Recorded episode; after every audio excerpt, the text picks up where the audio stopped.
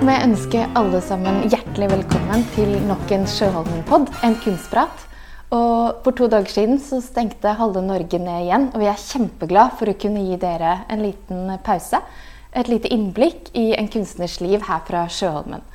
Og I dag så sitter vi i den gamle peisestuen, og vi har fått besøk av Helene Knop, som er maler og bosatt eh, på Slemmestad.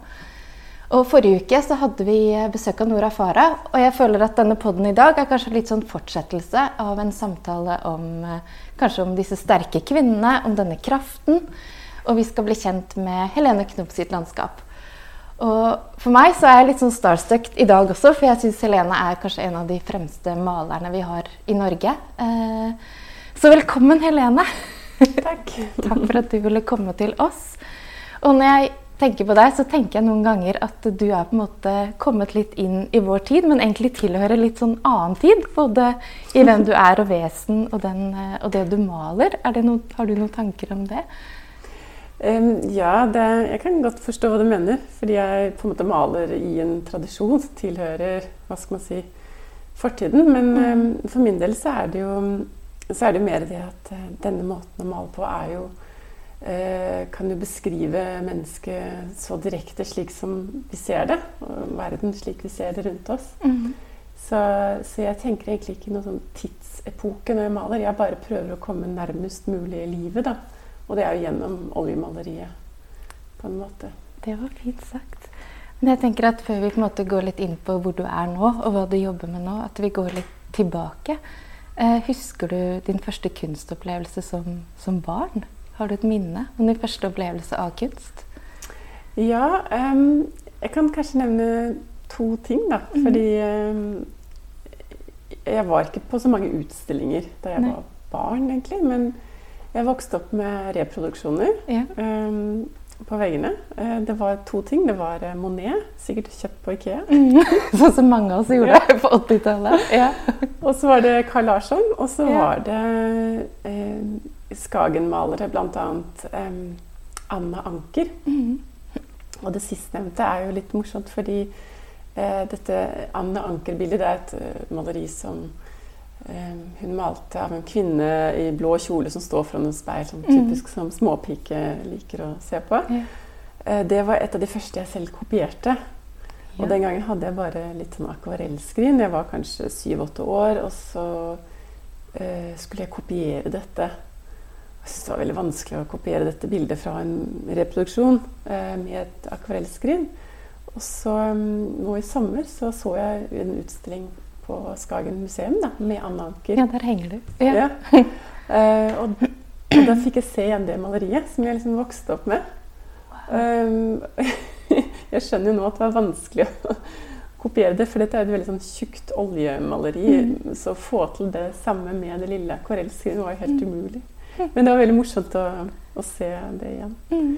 Ellers så har jeg den første sånn ordentlige hva skal man Den store kunstopplevelsen må ha vært eh, i Det sixtinske kapell av Michelangelo. Og det er jo mm. dommedagsfresken. Mm. Da var jeg kanskje 15 år. Eh, hvor, eh, hvor, jeg var i Roma og fikk se denne og var helt uh, ja, forelsket, nærmest, ja. i uh, alt det vidunderlige som oppsto, og at, ja, at det faktisk fantes noe slikt. Ja. Mm.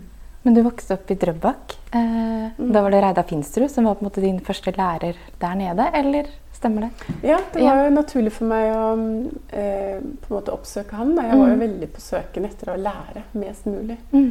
Og han, hos han fikk jeg muligheten til å prøve ut alt fra skulpturer, eh, grafikk, mye tegning. Også, ja. også, oljemaleri ble jeg introdusert for. Men da vi kom liksom dit hen, og jeg var litt med på kurs, og sånn, så sa han jeg tror du skal kanskje mm, lære av noen som er litt bedre enn meg når det gjelder oljemaleri. Oi. Og det var jo da Odd Nerdrum, som ja. var liksom steget videre. Ja. Men hvordan kom du i kontakt med han? Da søkte du til han for å komme i lære der? Eller hvordan gikk verden ja, veien videre? Jeg, jeg, gjorde på en måte, jeg skrev et brev til han, og så viste det seg at hans, den, gang, den agenten han brukte den gangen, hun bodde også i Drøbak. Så jeg var også litt i kontakt med henne. Og eh, som gjorde at gjennom henne så fikk jeg kontakt med han. Og han bodde i Oslo den gangen. Men hvordan var tiden hos Odd? Altså, de fleste kjenner Odd Nærdrum kun fra det mediebildet. Men hvordan var det egentlig å være elev eh, hos en mester den gangen? Ja, nei, det er jo For min del så var det utrolig utrolig lærerikt og mm. veldig grunnleggende for hele, hele, måten jeg arbeider på i dag. Mm. Og han var på en måte som en vennlig kilde av informasjon og kunnskap, og også et utrolig fint menneske. Mm. Um, og jeg liker jo folk som er eksentriske, så jeg har ikke noe imot at man er litt annerledes. um, så det er eh, For meg var det utrolig fin tid. Mm. Og så reiste du ut eh, til verden. Da var du 24 år, var det ikke det? Når du reiste mm. ned til Roma på en uh, dannelsesreise. Ja, det var faktisk en dannelsesreise. Og det var jo faktisk noe som var ganske vanlig i, i hva skal man si, for noen århundrer siden. Mm. I hvert fall ja, 150 år siden så dro man på sin grand tour. Og det mm. betyr at du skulle egentlig oppsøke store verk, alt fra arkitektur til eh, museer, til steder og broer og ting som du på en måte er grunnlaget for um, vår kultur, da, som, som, på en måte er verdt å få med seg. Men for min del så var Roma en sånn noe jeg på en måte helt lengtet etter. Det var litt vanskelig å finne den kulturen i Norge. Mm. Det er ikke helt reproduksjoner på Nasjonalgalleriet som er uh, Nei, nei, ikke sant. Ikke er, du, jeg, jeg snuste så vidt på uh, skulptursamlingen som en gang ble vist på Nasjonalgalleriet. Den mm. har vi jo ikke sett på 20 år. Men sant, så var det liksom det nærmeste jeg kunne komme. Men da jeg kom dit, så var det som en sånn kjempestor godteributikk. ikke sant? Og du kunne få lov til å forsyne deg av alt, på en måte. Bare at det var um, skulpturer på hvert gatehjørne. og Uendelig med hemmelige samlinger og palazzoer og mm. ja. Mm. Så da bodde du der et år og dro rundt og tegnet og malte og kopierte de gamle mesterne? Ja, jeg, jeg bodde sammen med en kunsthistoriker, eh, venninne av meg. Ja. Så sammen så hadde vi på en måte våre agendaer da, hvor vi oppsøkte samlinger. Og, og jeg, jeg, brukte mye tid på å sitte på museer og i parker og ja, steder å tegne. Og, og, på en måte prøve å komme inn i liksom, dybden av uh, tråder i forhold til hvem mm. som holdt på hvor til hvilken periode. Og uh, ja. Men det var jo egentlig ikke bare i Roma jeg var. Jeg var også i Sør-Italia en del. Som er noe helt annet. Mm. Men hvordan var det å komme tilbake og etablere seg da som på en måte figurativ kunstner i Norge. Og den tiden var jo Du gjorde noe som ikke var lov. altså Male figurativt. Det var ikke helt sånn stuerent. Eh, å kvitte deg kanskje med Nerdrumskolen og finne, finne ditt landskap, da, altså din, eh, ditt uttrykk. Ja, altså jeg har jo egentlig aldri tenkt at nå skal jeg finne mitt uttrykk. Nei. Fordi jeg tror hvis man liksom uansett får det som oppgave, eller som noen sier nå må du finne ditt eget uttrykk, så er det veldig vanskelig å bare gjøre det sånn Fordi nå passer dette tidsmessig. Men, men, det var på en måte starten. Um, og, jeg tenker at det er egentlig ikke noe behov for det heller. fordi um, enten så har man noe veldig sterkt inni seg som du må fortelle. Eller så er det andre håndverkere, malere, som kanskje ikke har den store fortellingen, men er flink håndverksmessig. Mm. Men for min del så var jo Italia og Roma var jo eh, Jeg kjente liksom at her hører jeg hjemme. Og det var en sånn enorm kilde som jeg bare kunne plukke fra. Mm. Uten å kopiere det, men på en måte bruke det stoffet der. Da. Og, ja. Mm. Så, men tilbake til spørsmålet. Ja. jeg, jeg, har jeg, jeg, tror egentlig jeg har uh, klart å kombinere eh, med Hva skal man si stilen fra, liksom, eh, fra, helt fra antikken til mm. det barokke, som jeg har vært veldig opptatt av. Med å kombinere det med det nordiske elementet, f.eks. Eh, bjørkeskogen. Mm. Eh, eller jeg har eh, liksom plassert hva skal vi, Jeg har laget barokke komposisjoner med det nordiske landskap som bakgrunn. Da, nærmest. Ja, for du ser nesten liksom Berlini i disse figurene som trekkes fra hverandre. Og så ja. har du nesten den nordiske lyset og Skagenmalerne ja. i bakgrunnen. Så det er jo en eh, fusjon av alt sammen. Det er en liten fusjon der, ja. Jeg tenker at det mangler noe barokk i Norden, så jeg prøver å Introdusere Forene dem. ja, krysse dem. Mm. Så bra. Eh, Og så er du på en måte, du er jo en eminent maler altså når du ser på gjen, altså gjengivelsen av, av naturen. Eh, men hvordan er det på en måte å introdusere dette vakre i norsk kunst? Eh, Mm. er det lov å male melankolien, de vakre klisjeene? Ja, det er et godt spørsmål. fordi om det er lov Man kan jo for så vidt gjøre hva man vil, men det er ikke nødvendigvis det som eh, Det er jo ikke det som verdsetter deg som såkalt kunstner eh, egentlig i Norge, om du maler det vakre eller er flink. Det er to parametere som egentlig ikke er, eh, blir regnet med som viktig da, for å være en betydelig kunstner i Norge. Mm, I dag. Ja, eller i Ja. dag, ja. Så, så sånn sett, men, men det er på en måte som eh, Dette er noe som jeg selv har lyst til og ønsker å, å fremstille. Både det vakre, og ikke alltid det vakre, men jeg liker jo selv å, å se det vakre. Og jeg tenker at vi er jo hele tiden på utkikk etter det vakre, så hvorfor ikke inn i maleriet også? Så, Du har jo sagt før at du, du skildrer mennesker, eh, og, da, og det livet vi lever. Og da kommer man jo over til disse klisjeene som mor og barn, f.eks. kjærligheten, paret, eh, Mm. som går igjen i mange bildene dine. ja, og det er jo fordi klisjeer er jo blitt klisjé, fordi de er jo så samme, på en måte. Mhm. Um, det er på en måte en følelse som har gått igjen og igjen, og en eh, situasjon som er så gjenkjennelig, f.eks. mor og barn. Mm. Um, men med en gang man avbilder det, så blir det en klisjé. Det er jo en sånn merkelig ting, det der. Men jeg tenker at du kan jo alltids um, prøve å fremstille det nære da, og det vakre uten at det blir for eh, ironisk eller latterlig. Mm. Mhm. At det er en sånn balanse der. Mhm. Og den klarer du. Når jeg ser dine mor og barn-skildringer, Ja, så ser jeg som mamma selv, så får du jo bare dette lille, Ja. lille barnet på hofta med en gang. Du kjenner jo denne følelsen langt inn i, Mm. inn i hjertet. Så er jo landskapet kommet inn. Denne bjørkeskogen går igjen. Og så går disse steppene og strendene. Hvor er vi egentlig? Er det måte, er det verden vår, eller er det en verden bortenfor? Hvor du plasserer disse scenene dine inn?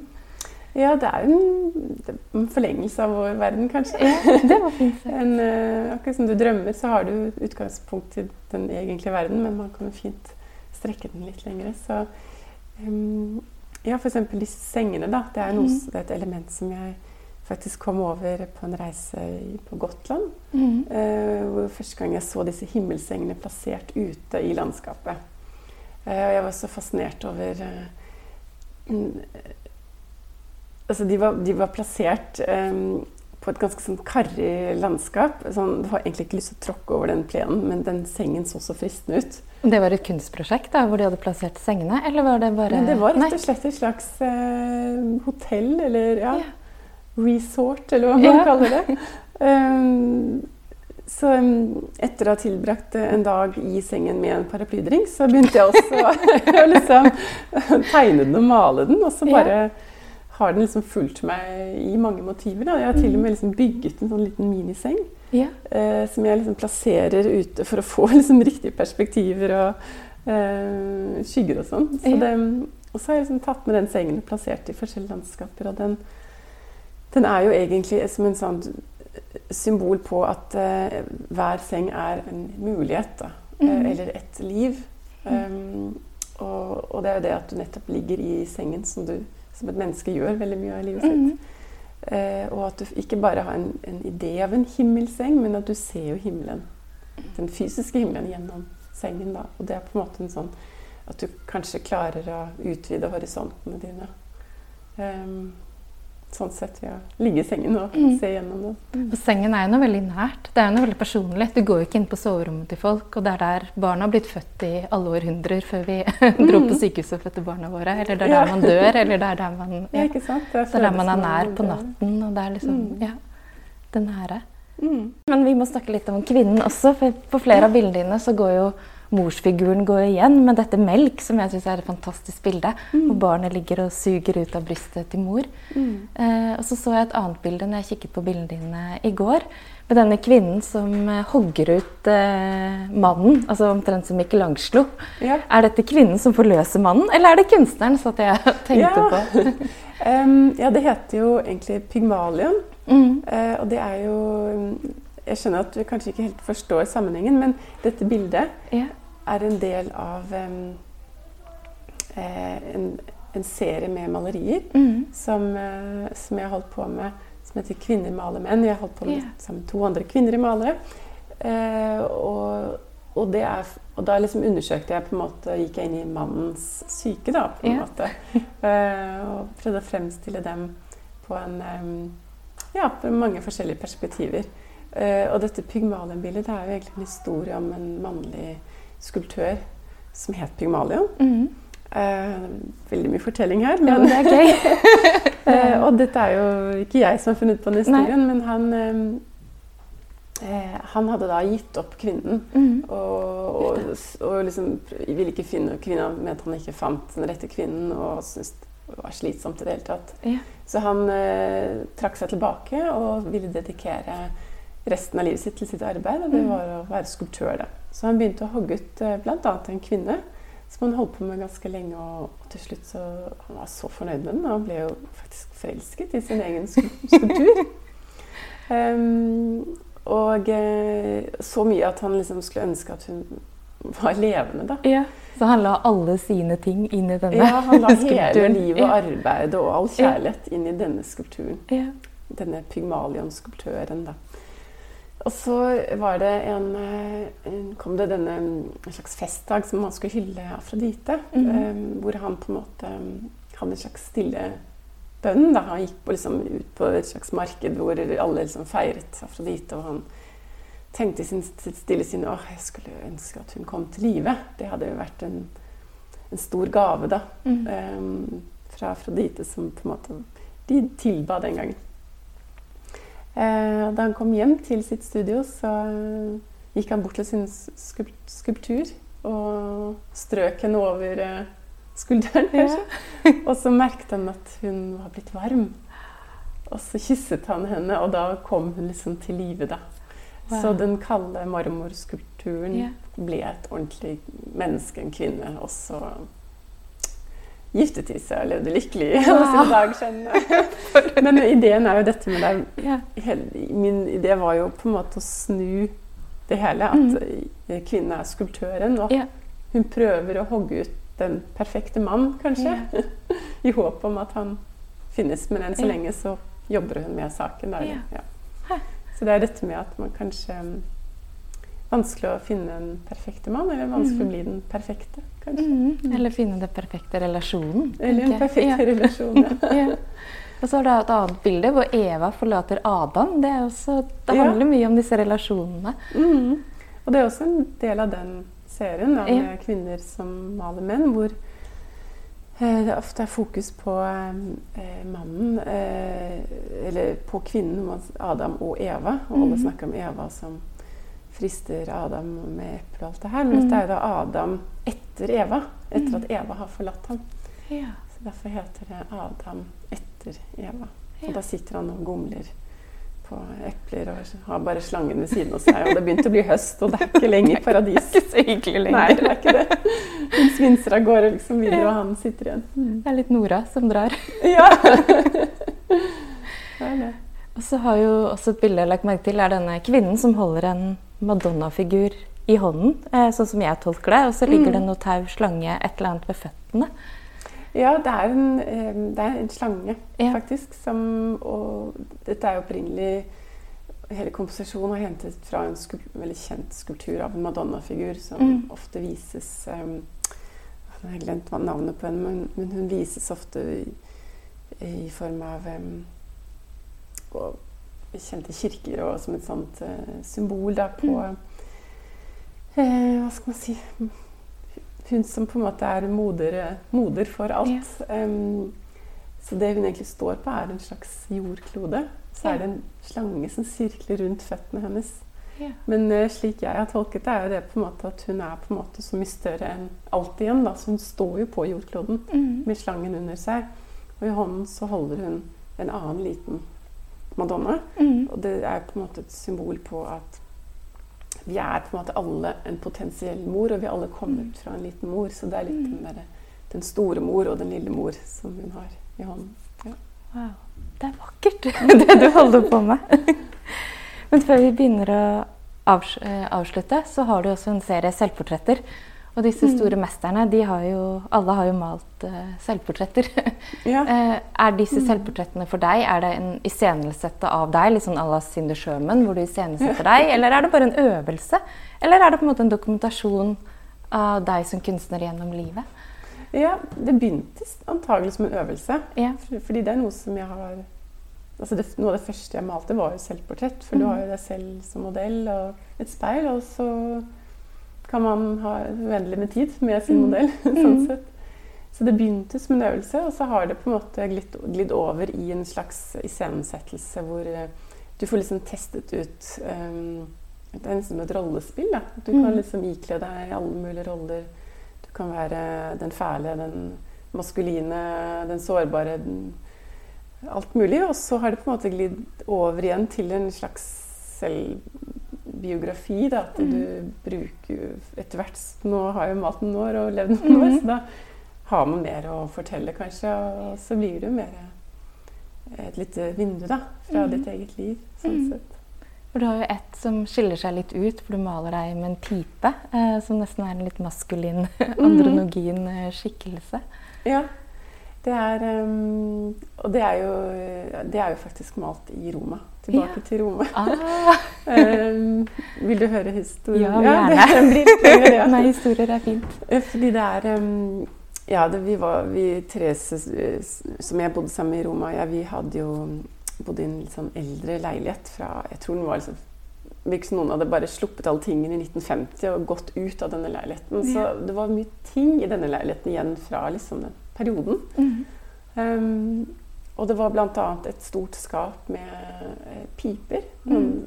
Samlet på piper. Da. Det var liksom alt fra den lille søte til den store Djengis Khan-pipen, liksom. Yeah. Uh, og, det, og, jeg fant jo selvfølgelig den største og den flotteste av dem. Og tenkte yeah. den må jeg teste ut uh, i et selvportrett. Og så samtidig så um, hang det også et foto av en uh, italiensk luftskipkaptein som het mm. Umberto Nobile. Yeah. Vet ikke om du har hørt om det? Men det er en veldig kjent historie om Amundsen og Nobile. Altså vår ja, Amundsen. Ja, mm. Og det er jo på en av disse polekspedisjonene så fløy Umberto Nobile sammen med Amundsen. Yeah. For han yeah. kunne fly. Ja. Han omkom senere, da. Det var en annen historie. men... Eh, og denne Umberto Nobile han, eh, han, hadde en veldig sånn stram uniform på seg og kikket på oss med et sånt eh, altså, Han var så gjennomført maskulin ikke sant? Mm. på den italienske måten. Mm. så jeg hadde liksom helt til dette fotoet av Umberto her i arbeidsrommet, og så disse pipene, og så var det jo bare en, en kombinasjon. At jeg liksom bare ikledde meg disse rollene. da. Ja. Mm. Så det var det. det var det portrettet. Ja. Eh, men litt før vi avslutter nå også, hvordan er på en måte hverdagen din nå som kunstner i disse koronatider? Eh, du, går du på atelieret ditt klokka ni og maler til fire? Altså, hvordan, hvordan lever du kunstnerlivet ditt nå? Ja, Det er faktisk ikke så annerledes i Nei. koronatider for, eh, for malere og andre skapende mennesker, tror jeg. Fordi man, man arbeider jo mye alene. Ja. Eh, så sånn sett tror jeg ikke verden er så annerledes. Jeg, Eh, så lenge skoler og barnehager er åpne, så, så, har jeg stort sett samme liv som før. Ja. Um, når det er blitt sånn hjemmeskole, så um, dropper vi litt hjemmeskole, og så blir hele barna modellene. Ja. det er kanskje den store forskjellen. Så mannen din og barna står mye modell for deg også? Ja, jeg kaller det sånne koronabilder. Det var, uh, var mye gjenkjennelige modeller da. Men hvordan er det utstillinger fremover? Har du noe er, jeg tør nesten ikke å planlegge utstillinger, fordi Nei. alt er så usikkert. Um, og jeg merker også at gallerier er litt sånn Det er ikke den største aktiviteten, sånn Nei. sett. Så det er vanskelig å planlegge noe. Men fordypelsen får du jo tid til, da? Fordypelsen får jeg tid til, ja. Mm. Tusen takk, Helene. Da, takk igjen for at du kom til oss. Vi hadde noen bilder av deg her på veggene når vi åpnet, så det er utrolig fint å ha deg tilbake. Takk. Ja. Takk skal du ha. Og neste uke så får vi besøk av noe helt annet. Da kommer eh, Thea, som skal snakke om mat og kunst. Og det å lage kaker og det å drive kafé. Tusen takk for i dag.